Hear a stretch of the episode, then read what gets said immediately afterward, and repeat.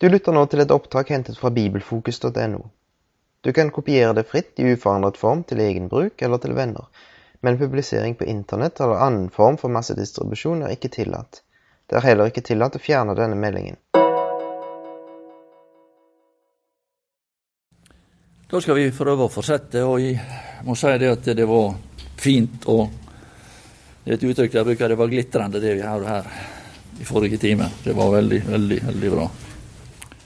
Så det gleder jeg meg over. Og vi skal fortsette med vårt emne. Og det dreier seg da om andre kongebok fem. Og Der var det stilt et spørsmål, og kongen som vi her møter, han heter Akasha. Og han er sønn av en meget berømt mann som heter Akab.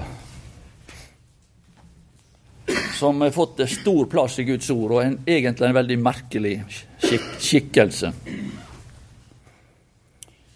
Han var en snill, kjekk og omgjengelig mann. Men han, var, han lot seg forme i alle retninger. Det var han som lot ei kone hadde ei kone som han lot, lot styre riket. Som han lånte sitt segl, og som han lot drepe alle profetene. Uten å gjøre motstand. Men det var han som også lot Elias stige fram på Karmel. Ser du? Han var føyelig i alle retninger. Det var han som samla Israel, slik at profeten kunne stå fram der. Men det var han som gikk og, og fortalte det til, til kona si, og hun tok en forferdelig hevn. Slik er det. Og det står beskrevet i åpenbaringsboka. Og det er skrevet om konsekvensene av å handle slik som han gjorde, hvis du er en troende. For han var det, han var en representant, på en måte billedlig sett, for Guds folk. Og blir da å betrakte i vår forståelse som en troende. Og her er hans sønn som fortsetter i samme spor. Som også står som en representant for en, en Guds mann, for Guds folk. Men som ikke har de kvaliteter som må til for å utøve guddommelig makt og autoritet i sin samtid, sjøl om han på overflata står fram i en kongelig forkledning. Og han stiller spørsmålet Hvem er jeg? At jeg skulle kunne døde og gjøre levende. Men han avslører ei sannhet. At først må mennesket dødast før det kan gjerast levende. Er jeg Gud at jeg kan gjøre døde og gjøre levende? Og her møter vi ei stor utfordring, og vi ser den illustrert der hos Naman, denne mannen som ikke ville gå i døden. Han ville ikke oppgi seg sjøl, sin storhet og sin egen rettferdighet. Men sannheten er det at det er kun den som er villig til å vandre til elva, som blir gjort levende. Den som er villig til å dukke seg og forsvinne, som er i stand til å bli gjort levende og stå opp igjen med Kristus. Og Hvis du går til 2. Korinterbrev, så finner du at Paulus hadde en tilsvarende tjeneste. Han hadde en tjeneste Han sier det i, i 2. Eh, Korinterbrev 2,16 blant dem som går fortapt, og blant dem som blir frelst. Og denne tjeneste, det var at han, han var iblant verden, når han gikk fram der han gikk fram, så var han en duft til død. Ser du? Han var en duft til død. Når han gikk fram, så opplevde de som han kom i kontakt med Oi, det liv som denne mannen har, det har ikke jeg. Jeg er faktisk død. En duft av død. Til død.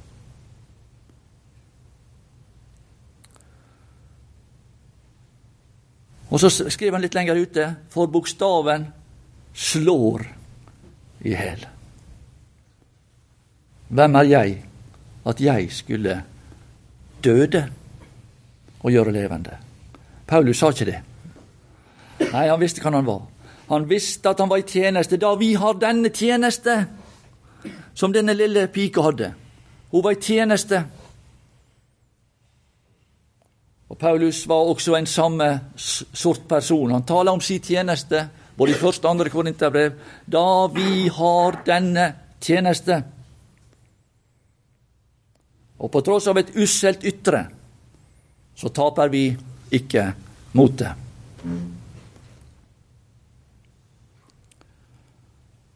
Og han stiller spørsmålet hvem er vel duelig til dette? Men han sier det, han har gjort oss duelig til å være tjenere, som har denne tjeneste, og gjør denne jobben her. Vi er i stand til det. Vi har i vers 7 dødens tjeneste. Andre Korinterbrev 3 og vers 7. Og i vers 9 så står det fordømmelsens tjeneste. Døde å gjøre levende.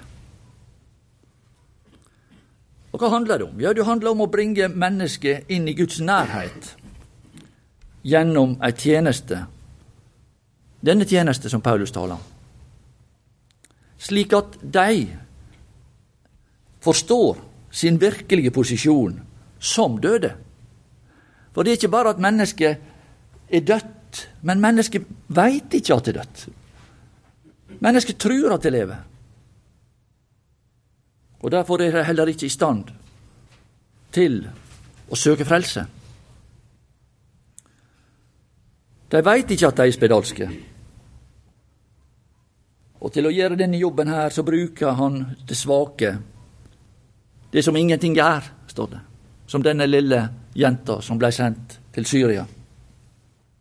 Som blei røvet til Syria. Og spørsmålet har vi denne gudgitte egenskap?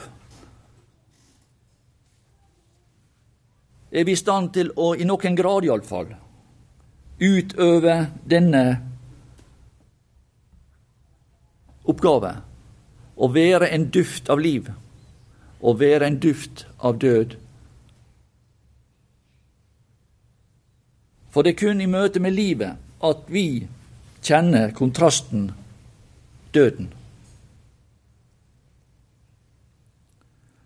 Og det er bare på den måte også verden opplever kontrasten, at de kjenner livet i oss. Og er ikke det påfallende at med en gang denne solstrålen kom inn i Namans hus, så dagen etterpå så skulle Naman ta av seg rustninga, ikke sant, med en eneste gang.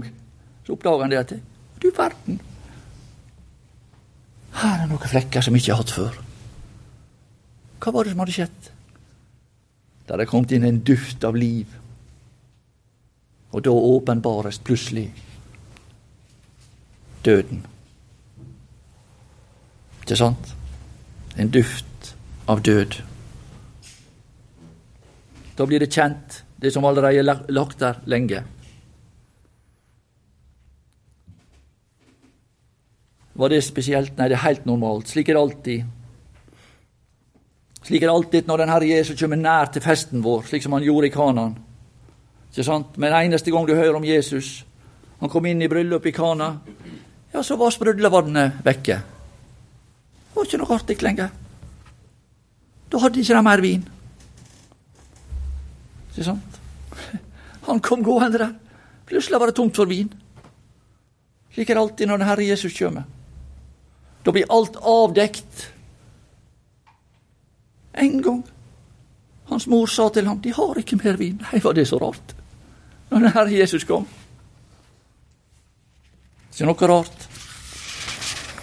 Og Går du litt lenger ut i Johannes evangelium, så, så kommer det ei kvinne ut, og så møter hun Jesus, og så ser hun at han er jo ingenting. Han er ikke noe slags Du, du har jo ikke, sier hun. Du har jo ikke. Og brønnen er dyp.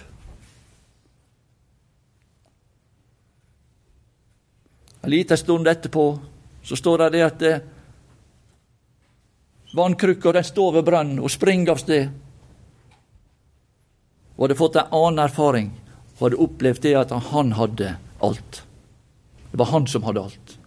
Men sine egne vannkrukker var tom. Og Jesus sa til henne det at du har hatt. Du har hatt. Og Så har det tørka ut. Og den du nå har, er ikke. Det, det tørker ut, det forsvinner. Det blir vekke mellom hendene på deg. Og alt skal bli borte for den som ikke har erkjent den Herre Jesus storhet. Alt skal tørke ut. Og du skal sitte igjen og, og oppleve det. Alt skal svinne bort for deg. Og du skal få den erfaring at du har hatt. Men da er det det at den Herre Jesus ikke kom for å gi deg bare en duft av død. Han kom for å gi deg en duft av liv.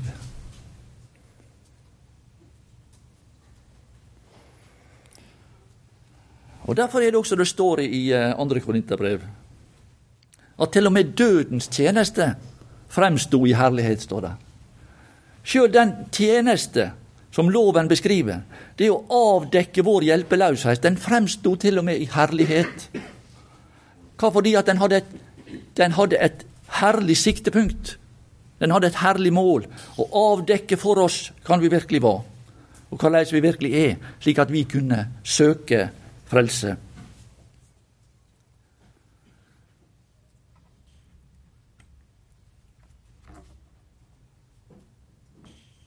Slik at vi forstår at vi er redningsløst fortapt. Det er ikke noe kjekt å kjenne vond lukt.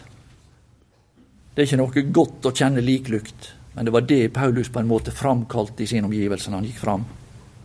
Men han var et veldig godt siktepunkt i hans arbeid, i hans tjeneste. Og det var å føre fram livet til alle. Dette med, med vond lukt det kjenner vi kjenner litt til sjøl er nesten ikke luktesans, og så ber jeg med meg fiskelukt hjem igjen, og så er det et, et, problem for oss hjemme. Men vi skal fortsette med litt andre ting. Prøve å komme litt til litt andre ting etter hvert. Vi skal forlate dette der. Denne lille jenta, hun bar med seg livet i sitt indre. Naman han bar med seg også noe. Han bar med seg døden.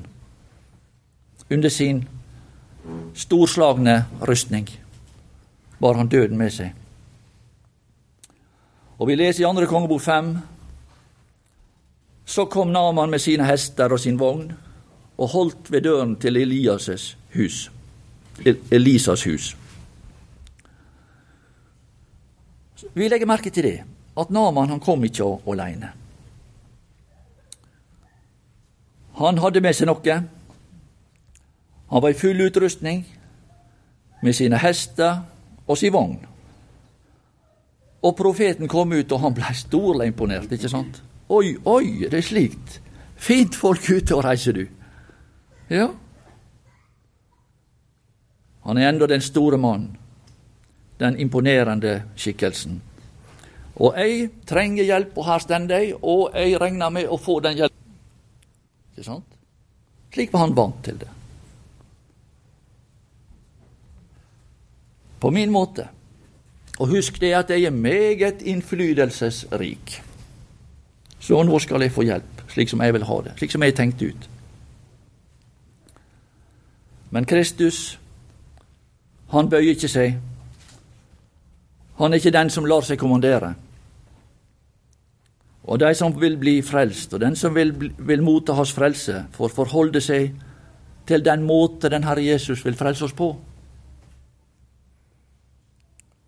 Og han fikk ikke engang møte profeten. Hva er det som skjer? For ettersom verden ved sin visdom Paulus forklarer dette i første Korinterbrev, disse, disse her settingene her. Ved sin visdom ikke kjente Gud i Guds visdom. Var det Guds vilje ved forkynnelsens dårskap å frelse den som tror? Det er på denne måte Gud frelser. Og dette hus som her er beskrevet, det er et bilde av menigheten. Guds vitnesbyrd i denne verden. Og ut ifra dette hus så kommer det et vitnesbyrd. Det kommer en enkel mann, en navnløs mann, med et eneste enkelt og klart budskap. Og denne mannen han blir ikke imponert over alle disse nystrigla, fine hestene. I alle fall så ser det ikke ut til at han blir distrahert. Det kan hende han ble litt imponert, men han ble iallfall ikke distrahert. Nei, oi, oi, oi, oi. Er, det, er, det, er det en annen mann som kommer på besøk? Du må iallfall bli behandla på en litt annen måte. For deg er det liksom litt, litt annerledes. Så flott som du er. Så imponerende som du er. Jeg kan egentlig ikke se at du er spedalsk i det hele tatt.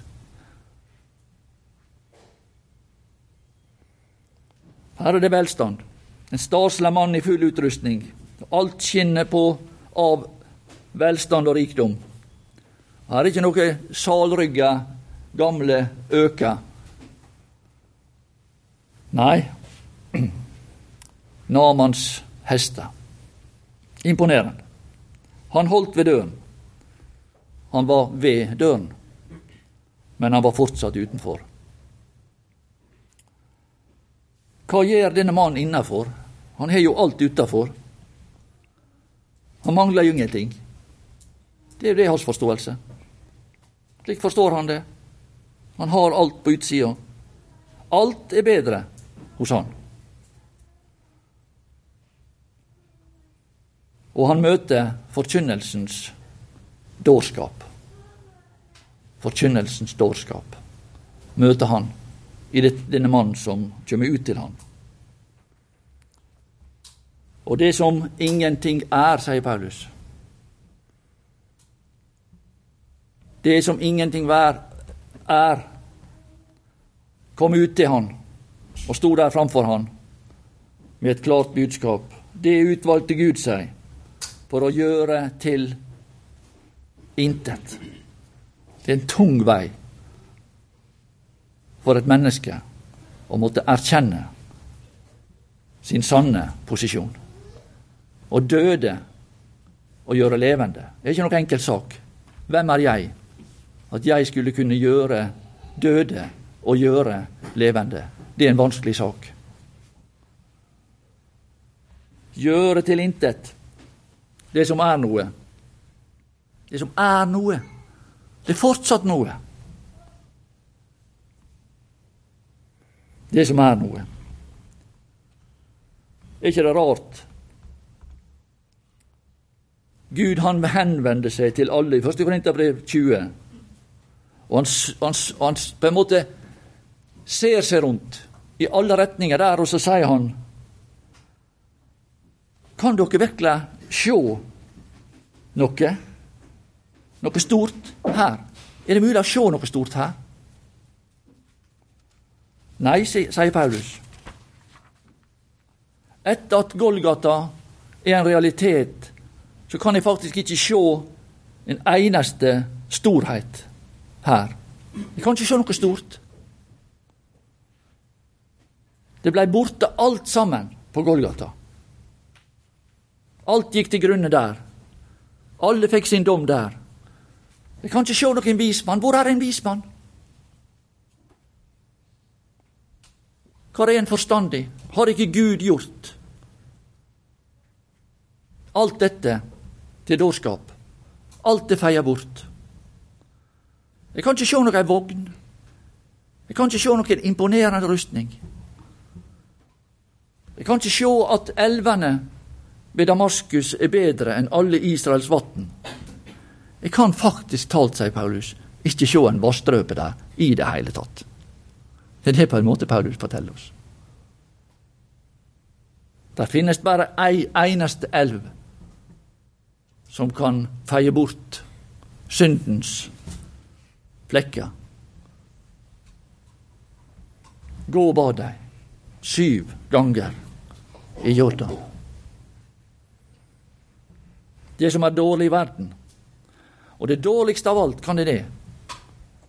Det er Kristus. Han er den dårligste i verdens øyne av alle. Og i Daniel fikk vi vite det at han setter den ringeste blant menneskene til å herske over dem. Han er det? Det er Kristus. Den ringeste blant menneskene. Det som ingenting er. For å gjøre de vise til skamme. Og det som er svakt i verden. Og det var det Naman møtte der ved døra. Hva møtte han? Han møtte ei lita, forsvarslaus slavejente og en navnlaus profetdisippel. Det var det som skulle berge denne mannen her. Og det var vanskelig for han. Det utvalgte Gud seg for å gjøre han selv, han sjøl, til skamme. Slik var Kristus den gang, og slik er han i dag. Og Slik er saken, og slik står saken fortsatt. Det er fortsatt slik. Fortsatt er det slik at det som er lavt i verden, og der ved døra utafor huset til Elisa, er det fortsatt ringeaktet. Gud er fratatt det all glans og herlighet. Og han uttalte Jesajas, 'Jeg skal gjøre' og ødelegge de vises visdom, og de forstandiges forstand skal jeg gjøre til intet. Og han så framover mot Golgata, og så sier Paulus etter Golgata, har ikke Gud gjort verdens visdom til dårskap? Det skjedde der.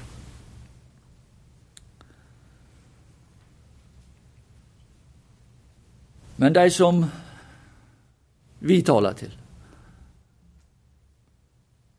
og de som Paulus talte til i Korint,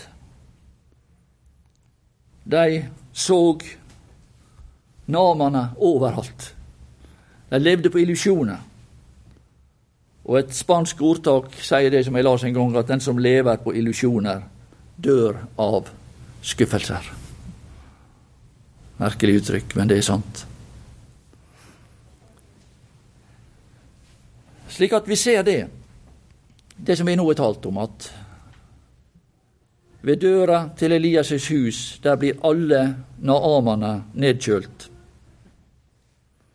Og det er ingen som kjømer til denne døra med sin vogn og med sine hester, og på den måten, i kraft av sitt eget, kan komme inn. Og dette bud er ubøyelig. Han lot seg ikke distrahere av denne, disse hester og denne vogn og denne staselige mann. Han snakker fortsatt direkte om problemet, spedalskheten. Og spørsmålet er hvordan er det med oss? Lar vi oss prate på viddene? Lar vi oss argumentere med der ved døra til, til eh, Elisas hus? Eller er vi i stand til å opprettholde Guds standard til herlighet og guddommelig ære? Gå og bad deg. Syv ganger i Jordan, så skal ditt kjøtt bli friskt igjen. Det er lett å havne på et lavere nivå, på en mer akseptabel standard, som mennesket kan akseptere Spesielt når vi blir utsatt for imponerende ting, ting som vi beundrer. En slik mann som Naman.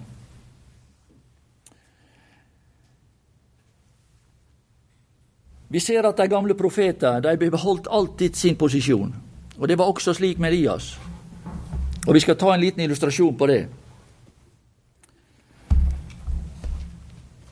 Og Hvis vi leser i første kapittelet, så finner vi der profeten Elias.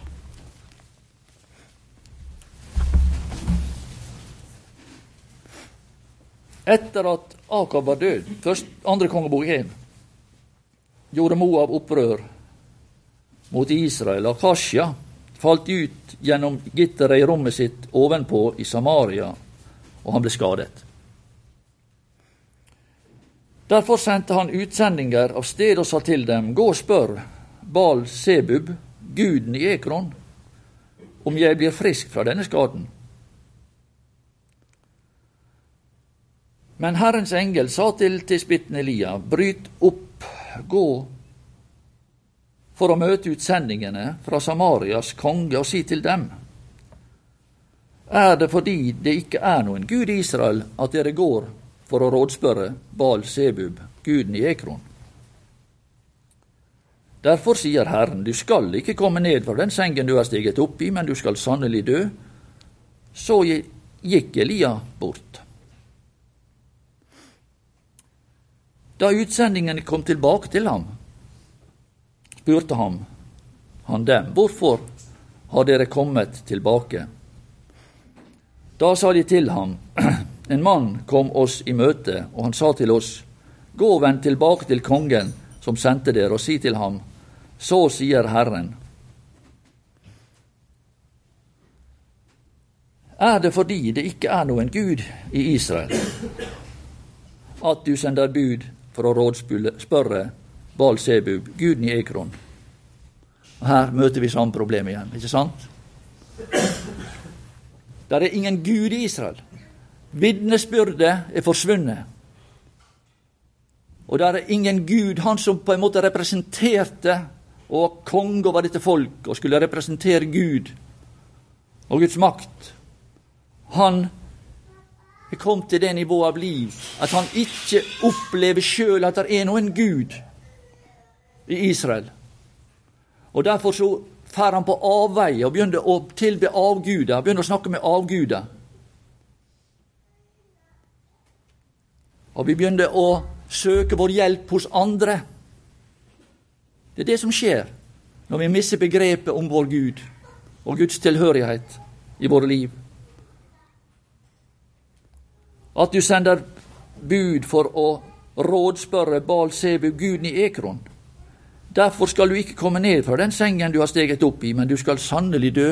Hva er konsekvensene av å fornekte Guds nærvær for en troende? Da svarte han, da spurte han dem, hvordan så den mannen ut som kom dere i møte og sa disse ordene til dere? Svar, de svarte ham, mannen hadde et staselig hår. Merkelig uttrykk. Mannen hadde et staselig hår. Ser du, her er en mann som ser, som ikke er øye til å se med. Her er en mann som tilber avguder. Her er en mann som ikke ser hva det virkeligheten. Han opplever ikke virkeligheten. Hva sier Paulus når han ser på en mann med et staselig hår? Hva sier han? Den som lar sitt hår vokse langt. Så dersom en mann lar sitt hår vokse langt, er det ham til vanære. Ser du hva forskjellig vi ser på ting? Det taler om en mann som bærer vanære, som er liten i denne verden, som setter Herrens ære framfor sin egen ære, som tar vare på vitnesbyrdet, som ikke bryr seg om sin egen storhet. Ser du det? Dersom en mann lar sitt hår vokse, vokse langt, er det til vanære for ham. Men her er det en mann som tilber avguder, som er avveket i sitt sinn, og synes det er en mann som lar sitt hår vokse langt. Å, han hadde et staselig hår. Ser du hva forskjellig vi ser på ting?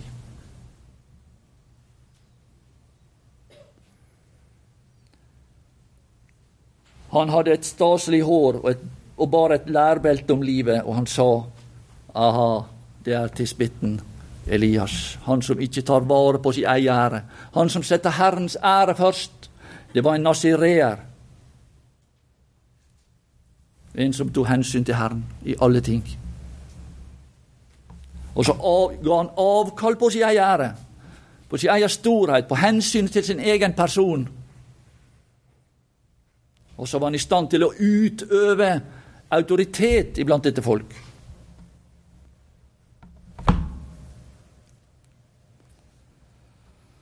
Da sendte, kong, da sendte kongen til ham en embetsmann over 50 med sine 50 menn. Og han gikk opp til ham og sa, og se, der var han. Han satt på toppen av høyden, og han talte til ham, du Guds mann, kongen har sagt, kom ned. Kongen har sagt, kom ned. Da svarte Elia og sa til embetsmannen over 50.: Hvis jeg er en gudsmann, hvis jeg er en gudsmann, da farer det ild ut. Da far, la det fare ild ned fra himmelen og fortær deg og dine 50 menn.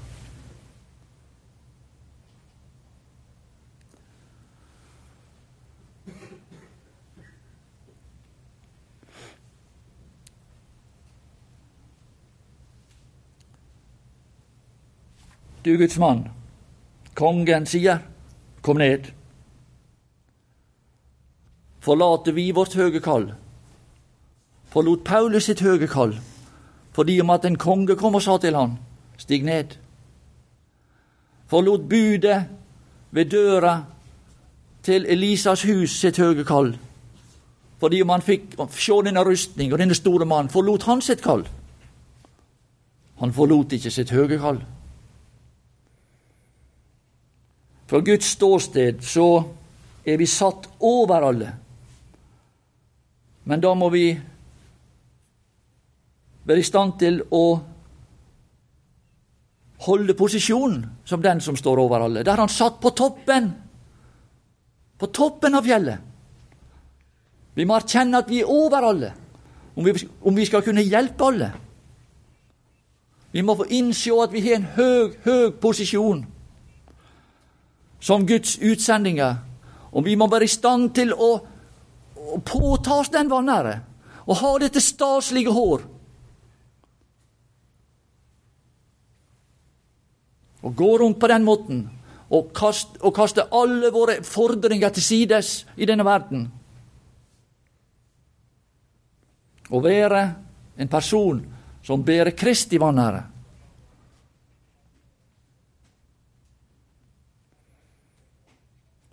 Slik at vi er i stand til å velsigne og hjelpe alle vi møter i vår vei. For Gud er plassert oss høyt, og Satan han vil at vi skal komme ned. Kom ned. Elias, kom ned. Han vil at vi skal fallere vår gudgitte autoritet som Guds menneske, og det ser vi også i Timotius-brevet. Dersom vi vil representere Gud på si himmelske trone, må, vi, må det være noe i vår karakter som avspeiler denne trone. Det må være noe majestetisk, noe urokkelig i vår karakter, noe ubøyelig. Vi må sitte på toppen av fjellet Og det er fantastisk å kunne eie noe av denne majestetiske erfaring og ro i sitt eget liv. Og det er bare den som er kraft til frivillig å forlate det sted for å gjøre noe for den som er nedenfor fjellet. Og vi ser at Elias gjorde det til slutt. Kongen sier til deg, kom ned. Og spørsmålet er, lar vi oss imponere, eller holder vi Guds standard? Men Elias svarte høvedsmannen over 50, er jeg en gudsmann? Det er spørsmålet. Det står oppe. Er jeg en gudsmann? Så kommer prøven på det. Og her er prøven. På om vi er det Guds menneske duelig til all god gjerning, som det står i Timotius brev. Om vi er det mennesket. Duelig til all god gjerning. Guds autoritet og ubøyelig, ubøyelighet må stå fast i all vår handling. Så farer det ild ut fra himmelen og er fortære deg og dine 50 menn. Det er noe som må dødes for at det kan bli gjort levende. Guds trone må fortære alle andre autoriteter. Slik er det bare. Og det er vårt kall. Og der må være noe av denne karakter i dette Guds menneske. Og vårt liv og vårt vitnesbyrd må ha noe av dette i seg. Og straks Paulus har åpenbart for oss dette Guds menneske, og talt om dette Guds menneske i Timotius-brevet, som er duelig til all god gjerning, så leser vi jeg vitner for Gud og Kristus Jesus. Så røyser han denne tronen opp, som skal dømme levende og døde. Som skal dømme levende og døde. Og ikke engang kan du skjule det i døden, for hans trone. Det er den trone som står over alle troner. Den ubøyelige, guddommelige autoritet, som er allesteds nærværende og Det må være noe av denne karakter iblant oss. Og i lys av denne trone Og han sier også det som skal dømme levende og døde ved hans åpenbarelse og hans rike. Og i lys av denne trone farer det ild ut og fortærer det som ikke tåler mannen på fjellets ransakende blikk. Og dersom jeg er en gudsmann Her ser vi iallfall hva Paulus var. Han fikk iallfall prøve seg. Han fikk iallfall prøve seg når han prøvde å holde stillinga der, på toppen av fjellet. Han satt der på fjellet, han reiste denne tronen, han satte seg på den, og han utbasunerte dette herre. Han som skal dømme levende og døde ved sin åpenbarelse og sitt rike. Og så gikk han ned på fjellet og stilte seg nedenfor fjellet for å demonstrere i sitt liv hvordan dette her virker. Og Det ser vi ved slutten av andre Timotius brev. Han gikk ned for fjellet, og så adlød han han som satt på tronen. Og På den måte så blei han også frelst gjennom de siste store prøver som Paulus opplevde der i eh, Rom. Dersom jeg er en gudsmann.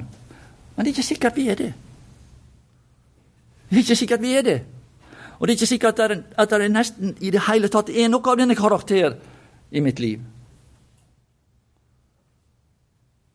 Og det vil være alltid grader, ikke enten-eller. Men visse situasjoner avslører hva som bor i oss. Kongen sier Og Nero sa noe, ikke sant? Nero var konge. Og han sa 'kom ned, Paulus. Kom ned nå. La oss bli venner'. Trenger ikke å være så streng, Paulus. Ta det litt mer, ta det litt mer rolig, dette her. Kan ikke liksom slå av litt begge to, og så møtes vi på halvveien. Kom ned, Paulus. Kom ned på mitt nivå, så skal du slippe å lide. Demas han tusla seg ned over fjellsida. Demas forlot meg. Titus kom ned. Og jeg har vært i selskap med deg som har rusla meg nedover fjellsida til et behageligere liv. til, lav, til en lavere livsutfoldelse. Det er ikke dermed sagt at det ikke er en troende. Det er ikke det, det som er spørsmålet her. Men det ble en lavere livsutfoldelse. Men Paulus han holdt stillinga i Rom. Han var den virkelige keiser av Rom. Det var Paulus. Det var han som styrte løpet. Det var han som styrte i Roms mektige imperium, og han døde under Guds trones autoritet. Han veik ikke ett eneste skritt tilbake. Er jeg en gudsmann? Det var spørsmålet. Alle forlot meg. Alle forlot meg. Men Paulus, han sto der fast. Han satt på toppen av fjellet. Han var i stand til å vedlikeholde Guds trones autoritet i sitt liv.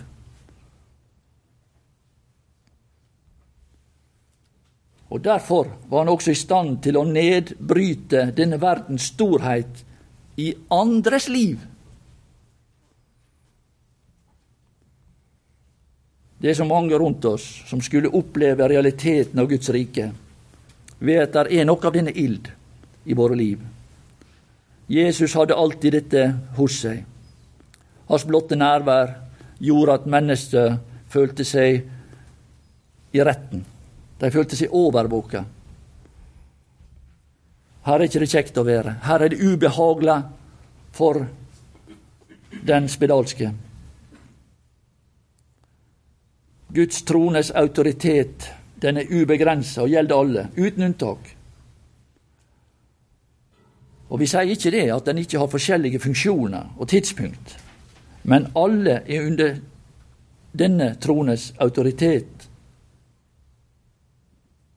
Når det gjelder Paulus, som vi taler om her nå, så inntok han trona og beholdt den, selv om alle forlot han.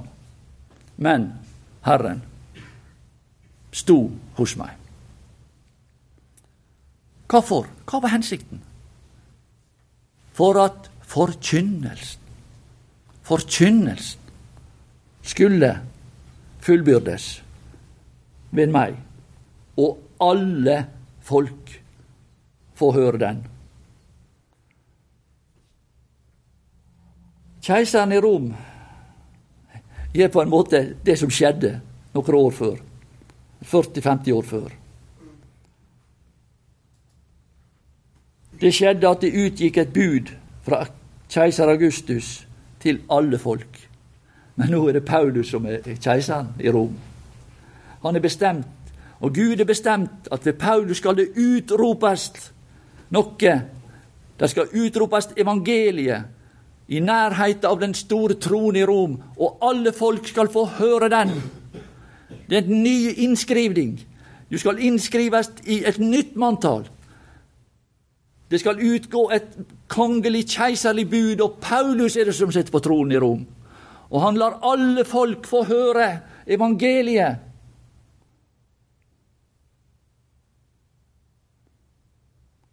Ingen klarte å få Paulus ned fra toppen av fjellet. Ingen. Nå skulle alle folk få skrives inn i manntallet. Det den himmelske konge bestemte at det skulle utgå et bud fra keiseren i rommet enda en gang. Men nå er det Paulus som utroper evangeliet ved, Guds, ved, ved keiserens trone. Og Nero prøvde å få Paulus til å holde munn. Han hadde en løve der, og løva opplot sin, sitt gap stå der for å få Paulus til å slutte å tale. Men da er det det at Paulus han opplot sin munn, står der. Når, når, når Nero ikke fikk Paulus til å slutte å tale Han hadde løve der som skulle skremme Paulus. Og denne løve var Nero sjøl. Men da er det det at han opplot sin munn og talte. Herren står der, lukket løvenes skap. da er det at Paulus opplater sin munn, og han forkynner evangeliet. Og alle folk skulle få høre det.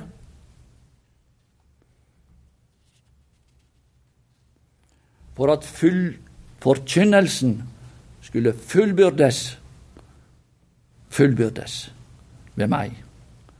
Og alle folk skulle få høre den. Så ut proklamerte han evangeliet der og han viste ved sitt liv hvordan evangeliet er. Det er så stort at et menneske frivillig gir sitt liv for det, slik som den Herre Jesus. Han ligner den Herre Jesus. For at alle folk skulle få høre dette fantastiske, frigjørende, frigjørende budskap om et rike som langt, langt overgår det nedtråkkende Roms rike, det som knuste og ødela alt rundt seg. Så førte denne mannen inn kjærlighetens rike, Guds rike, den evige konges rike. Alle folk skulle få høre den, og det kom til oss på grunn av denne mannen. Han holdt stillinga i Rom. Han satt på toppen av fjellet. Dersom jeg er en gudsmann, da farer det ild ut. Og hele Rom ble lagt i ruiner. Hele dette imperium. Det ble overtatt av Kristus. Det smuldra bort. Og det aller rike skal smuldre bort. Alt skal smuldre bort for denne store, guddommelige trone. Herre Jesus, vi takker deg for ditt ord. La det bli oss til opplysning, til glede, til forbløffelse, til forundring og til takk, Herre Jesus. Velsign dagen og dagene for oss fortsatt. Amen.